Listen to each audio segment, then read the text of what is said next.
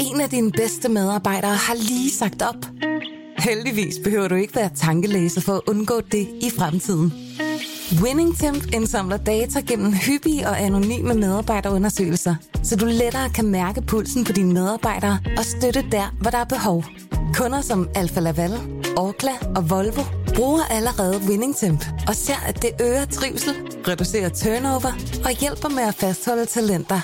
Få gratis gennemgang allerede i dag på winningtemp.com. Berlingske. Jeg har tænkt meget over, hvordan vi skulle starte det her interview. Ja. Fordi der er desværre nogle utrolig oplagte måder at starte det på. Ja. Øh, som jeg egentlig ikke synes er særlig rare. Altså for eksempel ville det var oplagt at tale om mit eget pornoforbrug. Ja. Øh, eller det ville være oplagt, at vi sidder og så noget porno sammen. Ja, det var også det første, jeg tænkte, at vi kunne høre noget porno. Altså det, der er jo sådan en væld af muligheder her, og alle mulighederne, det strider på mig. Ja. Altså det har jeg faktisk virkelig ikke lyst til. Nej. Hvad tænker du om det? Jeg tænker, det er helt normalt, og jeg har det faktisk på samme måde, på trods af, at jeg nu har lavet en bog om porno. Lad os bare indrømme det. Alle ser porno, men vi snakker ikke om det. Jeg gør i hvert fald ikke. Det gør dagens gæst til gengæld. Hun hedder Christine Tit, og hun har netop udgivet en tegneserie, der hedder Hvad er porno?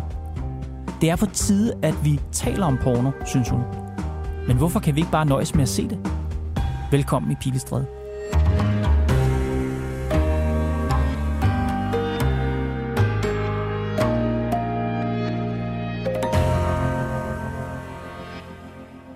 Jeg hedder Christine Tit, og jeg laver tegneserier.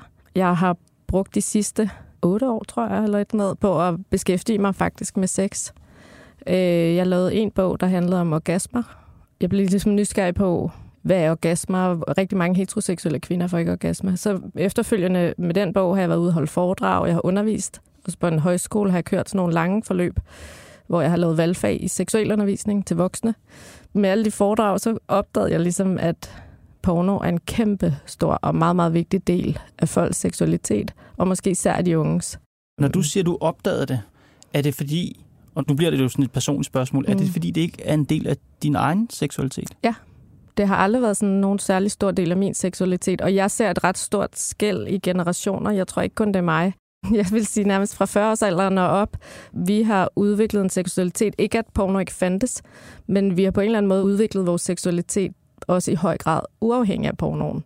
Selvom den var der, så var den ikke sådan allestedsnedværende, steds som den er i dag, og ikke så let tilgængelig. I dag er den jo tilgængelig hele tiden, men det er netop ikke noget, vi sådan taler om. Man kan sige, at nogle af de store pornosites, der er jo sådan nogle hits, ligesom at Kastanjemanden bliver stor på Netflix. Så der sidder alle, hver især i deres små hjem, og ser den samme MILF-pornofilm. Men den bliver jo ikke sådan anmeldt i weekendavisen, eller... altså sådan, det, det er ligesom, vi taler bare ikke om det, men vi ser faktisk det samme. Og du er nødt til at hjælpe mine lyttere MILF. Hvad betyder det? Mom, I would like to fuck. Nå, altså som en, som en genre. Ja, præcis.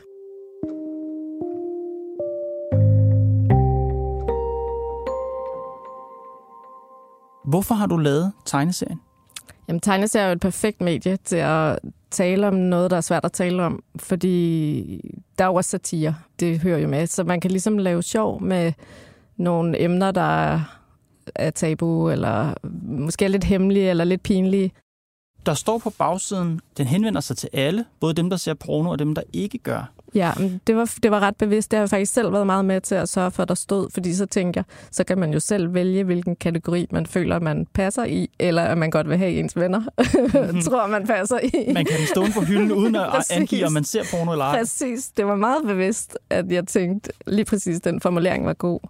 Umiddelbart, da jeg bladrede igennem den, og du kommer til at fortælle lidt om den, så tænkte jeg, at den henvendte sig lidt ungt måske. At den Ja. var måske henvendt til unge, men den er til alle, synes du? Altså, da jeg skrev den, tænkte jeg den helt sikkert til unge. Altså, jeg tænkte den lidt som sådan en, det lyder måske sådan lidt, det ved ikke, arrogant, som sådan en gave til de unge, at tage den og bruge det. Altså, jeg har bare prøvet at samle nogle facts, og tage dem og bruge dem så godt I kan, og til hvad I vil. Men det, jeg bare har opdaget, både undervejs i arbejdet med at lave bogen, men især nu, hvor jeg kommer ud og møder verden med den, det er, at det er i virkeligheden at for de unges forældre, og måske endda bedsteforældre, som faktisk ikke er helt inde i for eksempel genre, for eksempel ikke ved, hvad MILF er, eller de unge, de er meget øh, literate, eller hvad man kan sige, de har en meget stor kendskab til genre, til hvilke typer af porno. Mm-hmm. De er måske endda ret sådan, jeg vil næsten sige, professionelle brugere i meget høj grad. Prøv at, at tegne starten på bogen.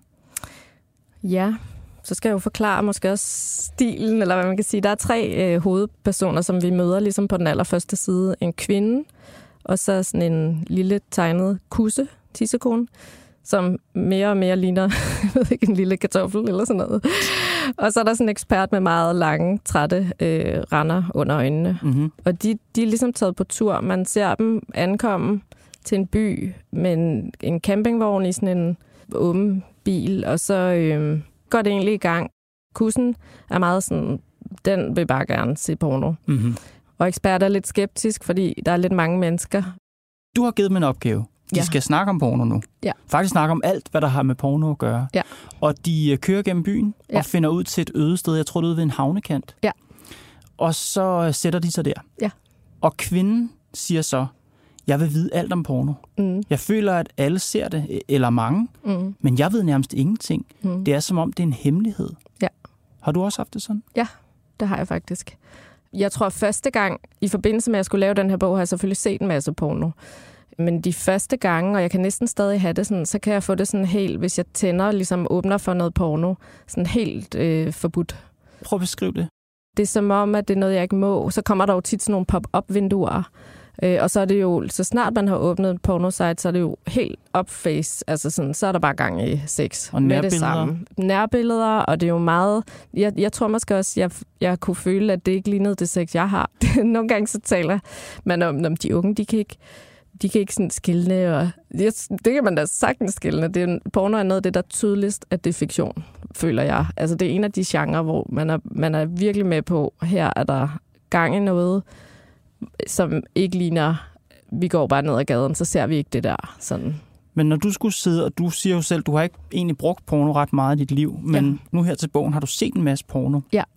Men den måde, du har set det på, er jo ikke den måde, folk normalt ser porno på. Nej, det Nu havde jeg egentlig lovet lytteren, at jeg ikke ville bruge mig selv. Men mm. jeg ser jo ligesom alle andre mennesker også porno. Ja. Men jeg ser det jo ikke i research-øje med. Nej. Altså jeg ser det, når jeg skal have en udløsning. Ja, ja, ja. Så når du ser, altså det er mere for de spørgsmål om den måde at se det på egentlig, om du egentlig forstår porno, når du ser det på den måde, hvis du forstår, hvad jeg mener. Jamen altså, det er jo det med, at porno påvirker vores kroppe, så det er klart, man kan jo ikke sidde og se porno uden at blive påvirket eller finde noget, der tænder. Så selvfølgelig har jeg fundet noget, som jeg også tænder på. Så jeg har selvfølgelig også set porno, ligesom alle andre. Ja. Men jeg tror, jeg har det nok samtidig sådan, det vil ikke gøre mig noget, hvis jeg aldrig så porno igen. Altså, så det er, ikke for, det er ikke fordi, jeg sådan ikke kan tændt på det, ikke har fundet noget, og ikke også har udforsket det i mig selv, imens jeg skrev bogen. Det har jeg selvfølgelig. Så selvom du har set en hel masse porno som research til bogen, så har det ikke, det har ikke åbnet sig for dig. Det er egentlig ikke noget, hvor du tænker, wow, her har jeg fundet en side af min seksualitet, eller noget, jeg har lyst til at bruge mere energi på fremover? Jeg tror heller, jeg, jeg vil have sex. Nej, det har jeg faktisk ikke. Okay. Og det på trods af, at jeg synes, jeg virkelig fundet noget fantastisk porno. Der findes jo noget helt vildt fedt derude, og der findes jo noget til enhver smag. Hvad er det, Så der er ikke vildt fedt? sådan, Jamen, altså sådan, jeg, jeg begyndte at følge nogen, der også laver porno, og altså sådan hele vejen rundt om det. Og der tror jeg bare sådan, det er helt sikkert åbnet sig, det er et kæmpe univers. Det er stadig bare ikke så stor en del af mig. Hjælp lytteren her, fordi alt porno er jo lavet. Hvad mener du med nogen, der har lavet porno? Nogen, der har det som deres job at lave porno, eller øh, nogen par, der vælger at sige, "Nå, men nu vil vi lave porno og dele det med folk, og også deler deres oplevelser med at lave pornoen. Hvad kunne det, synes du? I forhold til det der, du siger, når du logget ind på almindelige pornosites, og det flasher op med alle mulige nærbilleder og pop-ups ting og sådan noget. Hvad kan det andet? Det bliver jo mere sådan ligesom at selv at gå ud og øh, møde nogen, eller altså det bliver mere en menneskelig relation på en eller anden måde, der kommer i fokus for mig.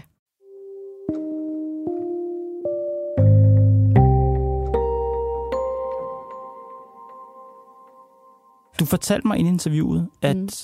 det undrer dig, hvor lidt forskning, der er lavet på det her område, altså på porno. Nej, jeg vil, omvendt så vil jeg faktisk sige, at der er rigtig meget forskning, men porno er et emne, der rigtig tit er oppe i medierne. Men hvad er porno? Altså, når vi siger ordet porno, det dækker jo over så mange ting. Altså, er det, taler vi om film? Hvilke genre taler vi om? Hvilke filmvinkler? Er det VR-porno? Er det hjemmelavet porno? Er det noget, nogen har optaget på Snap? Altså, porno er jo ikke bare porno.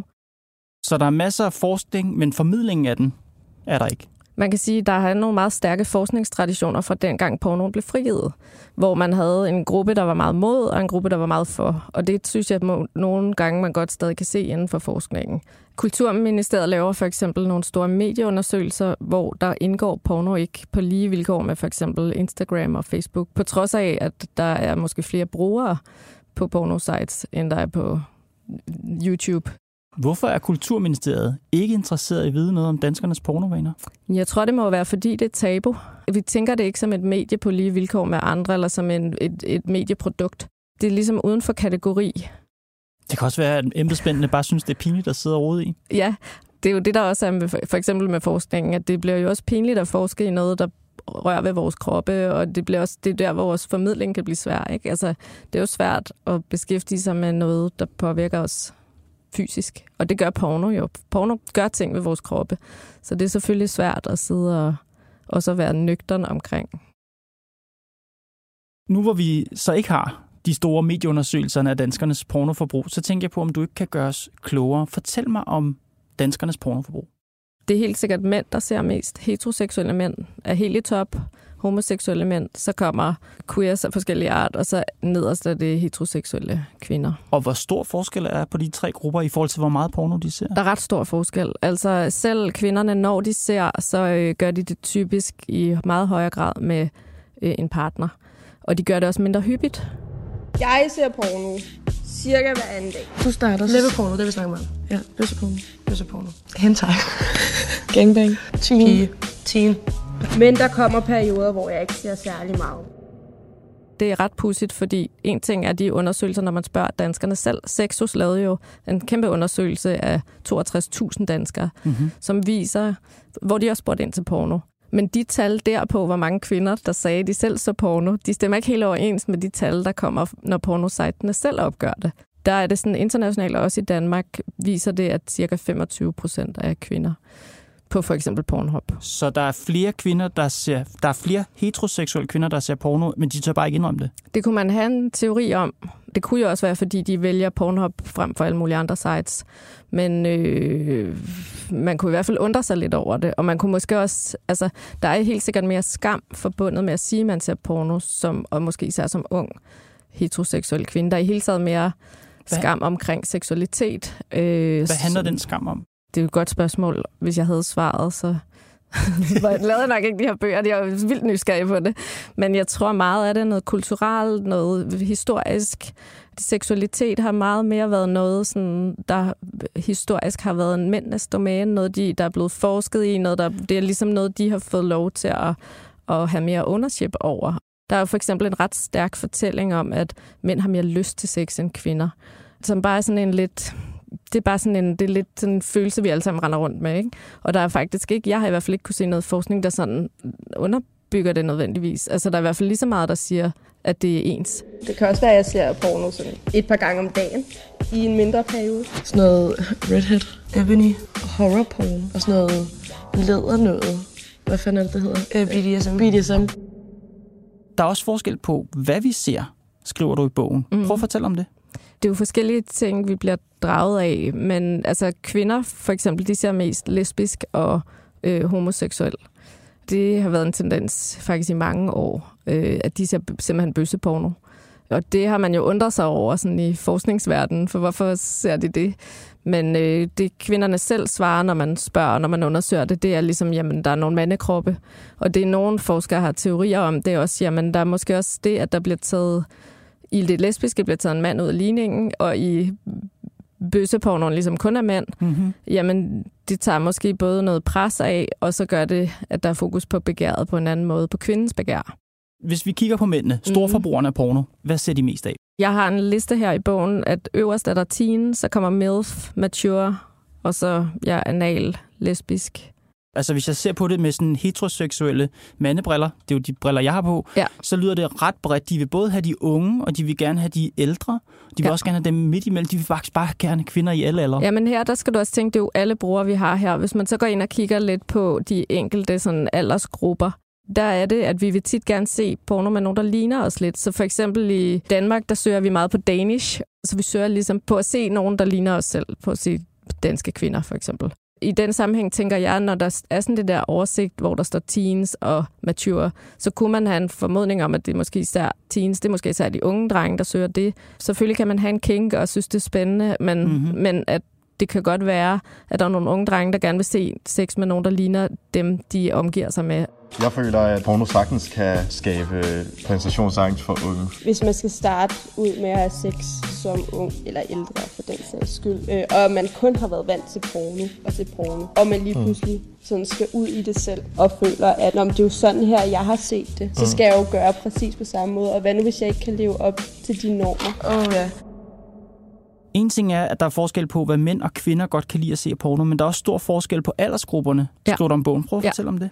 Jamen, altså, boomers, som er dem over 55, de ser i meget højere grad end de andre handjob.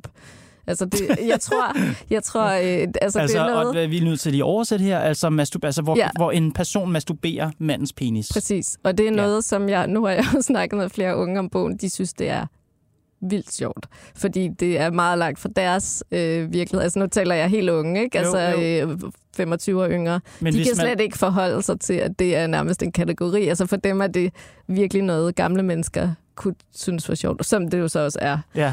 Hvad kan de gamle ellers godt lide ud over handjobs? Jamen mature, og det viser jo igen det der med, Mm, de, man de, man spejler sig. leder efter nogen. Ja, præcis. Andre ting? vintage. Hvad er som det? Jo, det er jo ældre, ældre porno, ældre pornoblade. Så da de, da de var unge, altså porno fra da Præcis, de de, var søger unge. simpelthen noget, der ligner det, de har set, da de var yngre. Nå, eller, det er det kan være sødt på helt tilbage fra 70'erne. Og, ja. Så de prøver at finde noget porno fra gamle dage. Letar inte du efter någon? Nej, det förväntar jag. Jag har funnit något mycket, mycket bättre. Dem, der er mellem 18 og 24 år, der er anal helt i top. Og lesbisk, og så øh, hentai, som jo er sådan noget tegneserie-porno. Hjælp igen her. Tegneserieporno, hvad vil det Jamen, sige? så er det animeret, så det er simpelthen lavet som tegneserie. Det er der faktisk også mange kvinder, der ser i højere grad. Og jeg har hørt et bud handler om, ligesom at det skyldes, at det der med, at det ikke er mennesker, men det er lavet som tegneserie, så kan man faktisk bedre forholde sig til, hvis det er lidt voldsomt, eller lidt øh, meget sex, seksuelt eksplicit, Mhm. mm-hmm. det at det bare, bare er tegneserier. Mm-hmm. Mhm. Der er noget, jeg har tænkt på, da jeg læste din tegneserie, øh, og når jeg også tænker over mit eget pornoforbrug. Mm-hmm. det er, og du beskrev det også selv det her, hvis man søger ind på en eller anden porno hjemmeside, så det popper op med alle mulige nærbilleder, ting og sager, og dit og datten, og man bliver, man får sådan her, altså, der er noget på alle hylder på en mm. eller anden måde.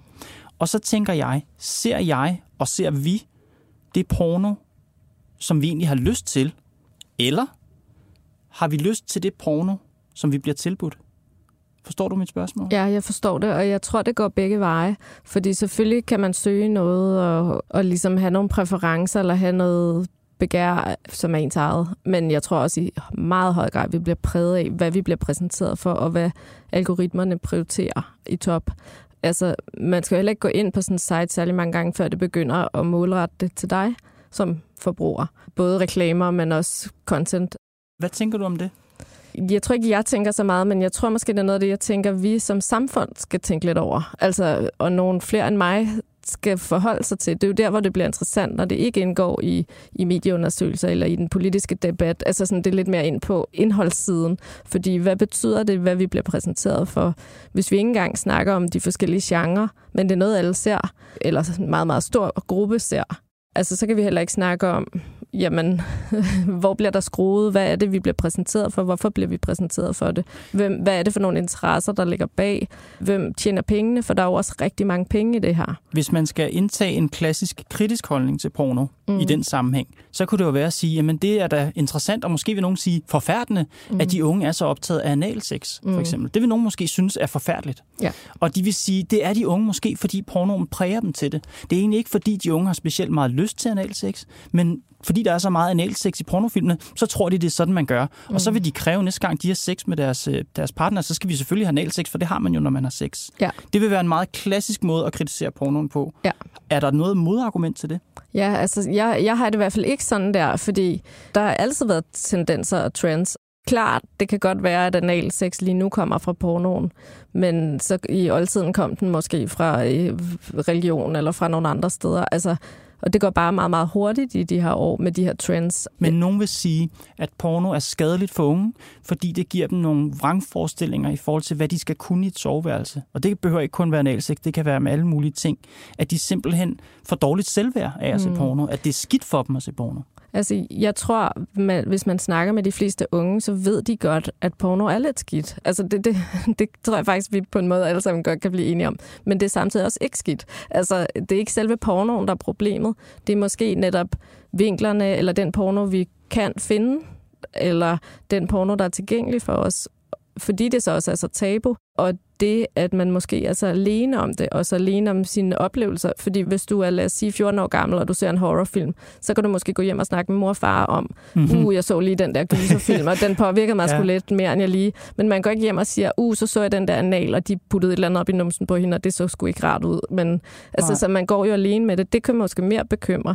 Det, at vi ikke taler om det, synes jeg er mere bekymrende, end at det findes, og industrien er der, og at der er nogle trends og tendenser. Altså, det har der altid været, det vil der altid være. Men det er bekymrende, når det foregår sådan helt væk fra offentligheden og fra vores allesammens sådan, samt, når vi ikke kan samtale om det, ligesom.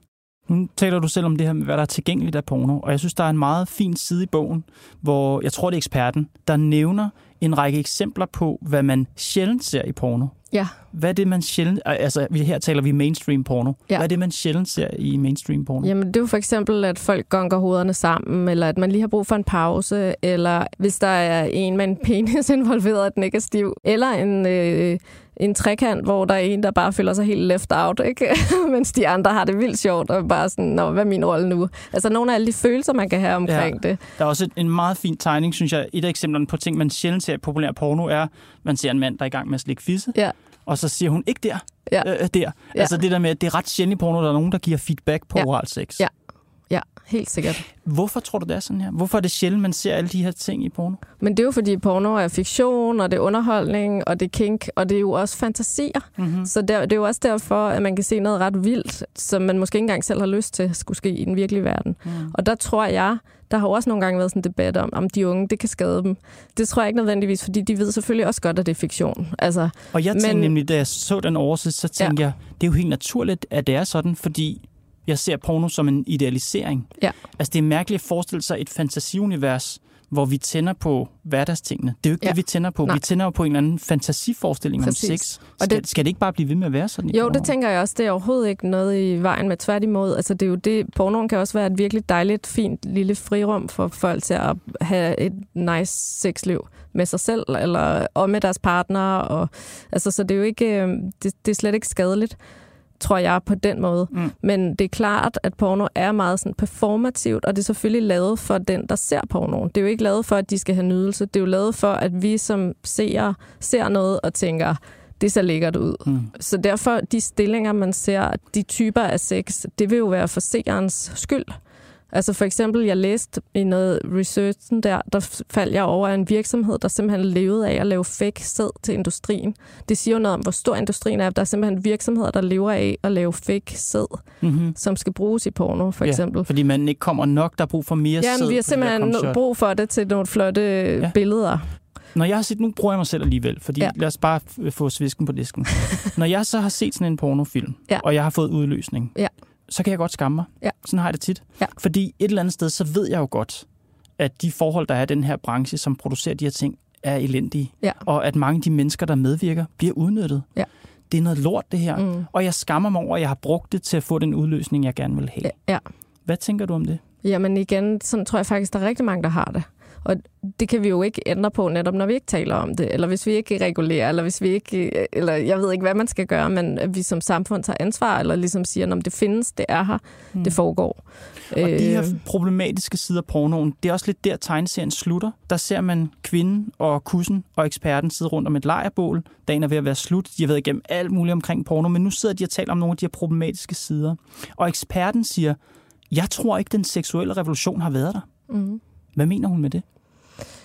Vi taler jo tit om, at der var en seksuel revolution i 68, eller dengang porno blev frigivet. Og jeg tror, jamen det her er jo så tilbage med fra min gamle bog, men når to ud af tre kvinder ikke får orgasme under sex, altså heteroseksuelle kvinder, og når vi ikke kan tale om porno, for eksempel, Og når sex og seksualitet ikke er noget, der er sådan lige adgang til for alle, og når der er al den skam, sådan den kedelige skam omkring det, så tror jeg ikke, vi er frigjorte. Og det betyder ikke, at vi alle sammen skal gå og sidde til middagsselskaber og snakke om vores sexliv. Man må godt have et privat sexliv, mm. men vi er bare stadig nødt til for eksempel at forholde os til, at porno eksisterer, og at den for eksempel stadig bliver lavet meget til sådan et male gaze, for eksempel. Altså det mandlige blik. Ja, præcis. Mener du, at der er brug for en seksuel revolution af porno? Jeg tror, der er brug for det blandt mange unge. Jeg kunne ønske, at de fik lov at få deres seksualitet sådan tilbage til ikke at have krav og forventninger om at skulle performe på bestemte måder, eller at sex skal se ud på nogle bestemte måder. Eller... Men det er jo det, de får serveret, når de ser pornofilm. Præcis, og jeg tror bare, det kan være svært at udvikle sin seksualitet i et space, hvor den her fiktionsverden er så stærk, som den er på en eller anden måde. Vil du i virkeligheden ønske, at pornoen fyldte noget mindre også i de unges liv? Jeg tror i højere grad, at jeg kunne ønske, at det indgik for eksempel i seksuel undervisning porno, eller, og at det var noget, der også indgik i en form for seksuel undervisning til os voksne. Mm-hmm. og at der var mere for eksempel i medierne omkring, altså ind i pornoen. Altså hvad er det for nogle film? Hvad, hvad, er, det, hvad er hit lige nu? Hvad er det, alle ser lige nu øh, for en film, og hvor, hvorfor? Mm-hmm. Eller altså, at vi sådan kunne gå mere ind i det på sådan en, som det kulturprodukt, det er, som præger os.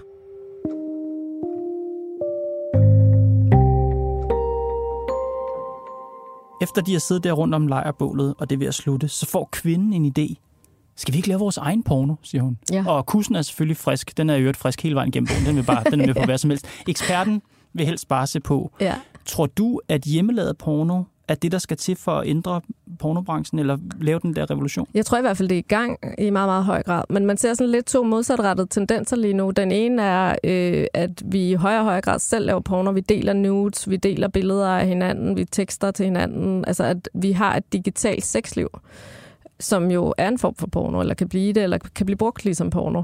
Og den anden er, at der er nogle teknologiske sådan, landvindinger inden for virtual reality, som i den grad kræver et stort setup af producenter mm-hmm. og mhm. penge. Mm. Og der tror jeg, at den porno, vi selv laver, den er helt sikkert på vej nogle nye spændende steder hen. Jeg kom til at tænke på, at det er måske et lidt hårdt spørgsmål, men hvis du havde en 20-årig datter, mm. som kom hjem og fortalte dig, at, at hun og kæresten var der begyndt at lave deres egen porno og lægge det op på det de her sites, der for eksempel der hedder OnlyFans, mm. og tjene penge på det. Hvordan ville du så have det? Det vil jeg faktisk have det fint med. Altså, det må jeg faktisk sige. Hvorfor? Jeg tror, fordi jeg har beskæftiget mig med det så længe, at øh, for mig er det mere det er ikke problematisk med de enkelte individer, eller så ikke, heller ikke min egen datter. Men jeg synes måske, det er meget problematisk, når vi sådan, i den grad udskammer folk, der for eksempel arbejder med sex. Og især at, er det jo noget, der foregår i høj grad mm. blandt unge kvinder.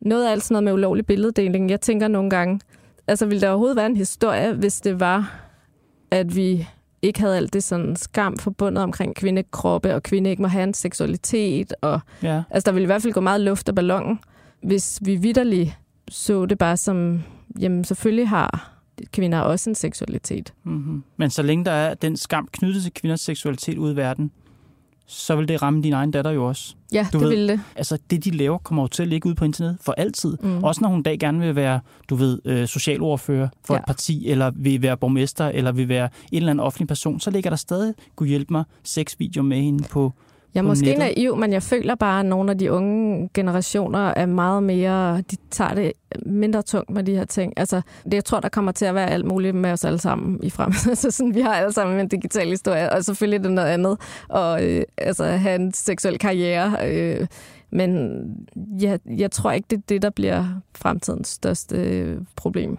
Det må jeg sige. Christine Tit, tak fordi du kom i Pilstred. Ja, tak.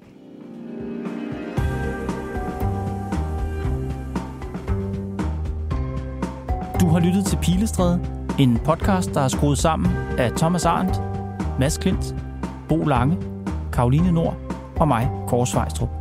Vi er tilbage på mandag.